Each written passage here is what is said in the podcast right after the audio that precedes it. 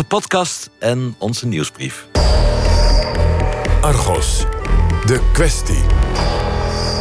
En die kwestie gaat over rechtbanken, schadevergoeding en piraterij. Ga verder. Hier, ga verder.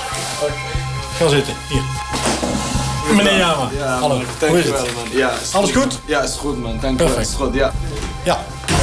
Mijn naam is Benno Vinnix. Ik ben van de dienst terugkeer en vertrek. En wij gaan samen met u praten over terugkeer naar uw land van herkomst. Toen de Nederlanders hem aanhielden en is, hebben ze hem naar Tanzania gebracht. Eh, van Tanzanië hebben ze hem twee dagen daar vastgehouden en van Tanzanië naar Schiphol. eh, en van Schiphol naar Schie, gevangenis in eh, Rotterdam, ja? Ik vind het heel onzorgvuldig. Kijk, ze hebben hem uit eh, de Somalische wateren gevist, naar Nederland overgebracht. Er is een strafrechtelijke procedure geweest. Die heeft jaren geduurd. Al die tijd heeft hij in de gevangenschap gezeten. Uiteindelijk wordt hij vrijgesproken.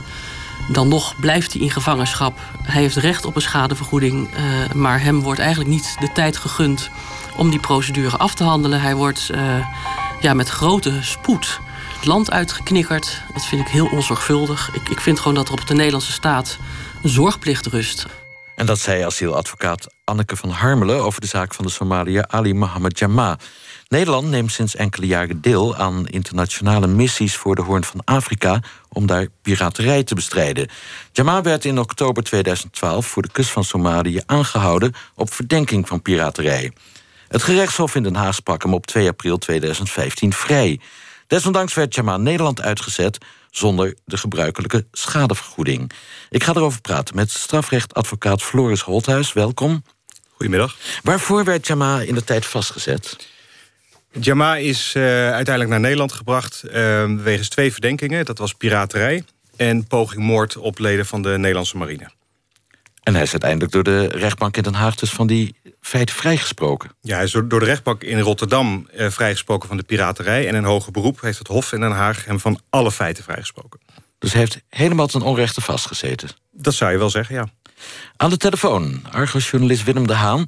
Willem, jij hebt de Argos-uitzending destijds over Jama gemaakt. Wat is er zo bijzonder aan zijn verhaal? Ja, ik kwam eh, Ali Jama tegen in het eh, detentiecentrum Rotterdam. Eh, daar was ik bezig met een televisiedocumentaire. En het was een hele verlegen en jonge en vriendelijke vent. Echt helemaal niet zoals je een Helemaal geen piraat? Nee. Ehm, nou ja, eh, daar vertelde hij dus dat merkwaardige verhaal... dat hij naar Nederland was gebracht... eh, dat hij verdacht werd van eh, betrokkenheid... of veroordeeld was zelfs... en later vrijgesproken van die piraterij. Nou, dat heb ik uitgezocht en het bleek te gaan om een Iraans vissersschip... waarvan de Nederlandse marine zei dat het gekaapt was. Maar dat is eigenlijk tot op de dag van vandaag onduidelijk... omdat die Iraanse vissers vaak zelf gewapende mensen aan boord nemen. Nou ja, Ali Jama zei, ik vervoerde alleen maar spullen tussen, de, spullen tussen de kust en die vissersboot. Want die boot die lag vlak onder de kust. Hij was een soort taxivervoerder eigenlijk. Nou ja, de marine van Nederland die grijpt in. Die boot vliegt in de fik. Eén Iraanse visser die komt in ieder geval om het leven. Ehm, later krijgen die mariniers daar een hoge onderscheiding voor. Terwijl het dus eigenlijk een hele merkwaardige actie was. Was het wel een kaping? Hadden ze wel op deze manier op moeten treden? Eh, ja, er valt ook nog een slachtoffer wat niet de bedoeling is. En dan die vreemde actie dat Ali Jama dus ondanks die vrijspraak... tot ongewenst vreemdeling werd verklaard door de IND... en met grote spoed eh, het land werd uitgezet. Ja, terwijl ik zou denken, nou ja, hij is vrijgesproken... hij heeft niks verkeerd gedaan. Eh, maar hij moest en zou terug naar eh, Mogadishu. Floris Holthuis, als je ten onrechte vast hebt gezeten in Nederland... Mhm. heb je recht op een schadevergoeding. Hoeveel zou Jama eigenlijk moeten krijgen? Ehm, de- het verzoek, je, je hebt recht om een verzoek in te dienen om schadevergoeding te krijgen. Dat is het recht wat je hebt. En we hebben een eh, verzoekschrift ingediend. En volgens mij, het zat hem om en nabij de 100.000 euro... wat hij aan schadevergoeding zou krijgen... als je daar de standaardbedragen voor zou gebruiken. En hoe kan het dat hij dat niet heeft gekregen? Nou ja, uiteindelijk heeft de rechter in Nederland toch een vrij grote ruimte... om een afweging te maken. En ehm, de- rechter moet kijken of er gronden van billijkheid zijn... om schadevergoeding toe te kennen. En het begrip billijkheid is nogal ruim. En dat kan dus ook nogal ruim worden gebruikt door de rechters. We hebben het besluit van het eh, gerechtshof Den Haag voorgelegd aan strafrechtgeleerde en emeritus hoogleraar strafrecht en strafrechtproces Theo de Roos. Los van al juridische kennis moet je eigenlijk je indenken van... nou, ik ben vrijgesproken. Ik heb het niet gedaan. Eh, ik heb, eh, weet ik voor lang vastgezeten. Dan moet ik toch wat terugkrijgen van de staat. Nou, die regeling is er. Maar ja, waar ik moeite mee heb, is het criterium van... ja, in die andere zaken die niet zijn te last gelegd... zijn er zeer sterke aanwijzingen. Ja, dat kan zijn. Maar dat is niet voorwerp geweest van een behandeling op tegenspraak. Dat wil zeggen, het is een behandeling waarbij ook de verdachte commentaar heeft kunnen geven. Waarbij de verdediging misschien ook getuigen had kunnen oproepen om het nog eens te toetsen. Dus ja, dan is het alleen maar het oordeel van het Hof zeer sterke aanwijzingen en verder niet. Nou, dat vind ik echt volstrekt onvoldoende om te zeggen... dan is het billig om jou geen schadevergoeding meer te geven. Dus ik heb daar moeite mee. Het is een inbreuk op de gedachte van dat je onschuldig wordt gehouden... zolang je niet veroordeeld bent. Ja, dus het Hof zegt eigenlijk, je bent vrijgesproken. Jamal is vrijgesproken van de ten laste gelegde feiten. Maar hij zou betrokken kunnen zijn bij feiten die hem niet ten laste zijn gelegd. En daarom geven we hem die schadevergoeding niet. Ja, dat klopt. Dat is precies goed geformuleerd. Is het zaken die niet ten laste zijn gelegd, die niet uitgeprocedeerd zijn, die niet volledig zijn vastgesteld die spelen dan een negatieve rol voor de verzoeker, hè, degene die schadevergoeding wil. Want hij wordt eigenlijk toch alsnog voor die andere feiten schuldig verklaard. Anders kun je het eigenlijk niet zien. Ja, dat is in strijd met, uh, ook met trouwens met een eerlijk proces, zou ik zeggen. Het Europese Mensenrechtenverdrag uh, zou dan geschonden zijn door zo'n uitspraak. Maar het Hof doet deze uitspraak, herhaalt eigenlijk alleen de feiten zoals ze in de vrijspraak van Jama uh, zijn gegeven. Mm -hmm. Doet het Hof hier dan iets fout? Ja, ik ben een voorstander, maar het is omstreden. Anders zouden we hier niet eh, erover praten natuurlijk. Maar eh, ik, ik ben een, uh, absoluut een voorstander van... als je vrijspreekt, dan moet je ervan uitgaan dat je die schadevergoeding toekent. Dat doet het Hof ook wel. Uitgangspunt is dat er recht op is. Dan komt de billijkheid als criterium. Er kunnen omstandigheden zijn dat er toch niet, of in mindere mate dan gevraagd... Hè, dat er zo'n schadevergoeding wordt toegekend. Maar daar moet je heel terughouden mee zijn met die uitzonderingen, met die, die billijkheidsgronden. Moet je echt niet uh, heel ruim gaan interpreteren van. Uh, nou, uh, misschien was je voor andere feiten wel veroordeeld. Ja, dat, dat weten wij niet. Dat kan het Hof ook niet weten. Ook niet als er sterke aanwijzingen zijn. Want daar is niet over geprocedeerd. Dat valt dan buiten het blikveld van de rechter die deze rol nu speelt. De enige rol is beoordeling van schadevergoedingsverzoek. Nou, dan moet je heel strikt zijn. Moet je alleen maar kijken naar wat is vastgesteld en wat dus niet is vastgesteld bij een vrijspraak. En, en dat is het dan. Eh, een uitzondering zou wel kunnen zijn iemand heeft zelf het onderzoek gehinderd of heeft gezwegen terwijl hij best uh, opening van zaken had kunnen geven. Uh, of hij heeft zelf op een manier geprocedeerd hè, door ontzettend veel getuigen te vragen, uh, zodat het langer heeft geduurd dan nodig, dat hij vast. Nou, kortom, daar kan ik me wel iets bij voorstellen.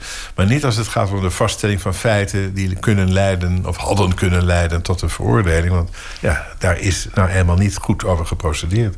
Terug naar strafrechtadvocaat Floris Holthuis hier in de studio. Nou, als ik uh, Theo de Roos uh, zo hoor... die zegt van, ja, die billijkheidseisen... hebben al heel erg ruim geïnterpreteerd... dan zou ik maar snel verder gaan procederen als ik u was. Ja, u, u zag mij knikken. dat is ook daar, wat we gaan daar, doen. Daarom kwam ik ook op die vraag eigenlijk. Ja. Nee, wij gaan, wij gaan naar het Europese Hof in, in Straatsburg. Het is precies zoals meneer de Roos zegt.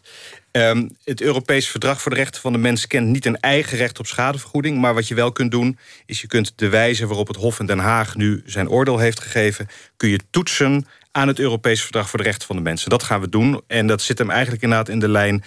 Heb je wel een eerlijk proces gehad? Heeft het Hof van Den Haag niet veel te veel ruimte genomen? Omdat het, het Europese Hof zegt de onschuldpresumptie. Hè, dus je bent onschuldig tot het tegendeel bewezen is. Nou, als je notabene integraal vrijgesproken, deze Ali Jama... dan is het uitgangspunt dat er een recht is op schadevergoeding. Nou, dat willen we graag voorleggen aan het Europese Hof. En dat gaan we nu heel binnenkort doen. We hebben dat ook aan Theo de Roos gevraagd trouwens... of hij denkt dat u kans maakt bij het Europese Hof. Ja, dat is al eerder gebeurd. Een soort, nou, niet soortgelijk. Hè. Dat waren gevallen die anders lagen. Dat heeft ook niet altijd tot succes geleid, soms wel. Maar je kunt zeker de stelling betrekken van... luister, uh, ik word in deze procedure opgeknoopt... Hè, dat, mijn rechten worden mij ontzegd... op gronden van dat ik eigenlijk voor schuldig word gehouden... aan feiten waarover ik geen fair trial hebt gehad. Hè? Dus artikel 6 van het Europese Mensenrechtenhof. je hebt recht op een eerlijk proces, je hebt recht op tegenspraak, je hebt recht op allerlei rechten, getuigen, rechtsbijstand.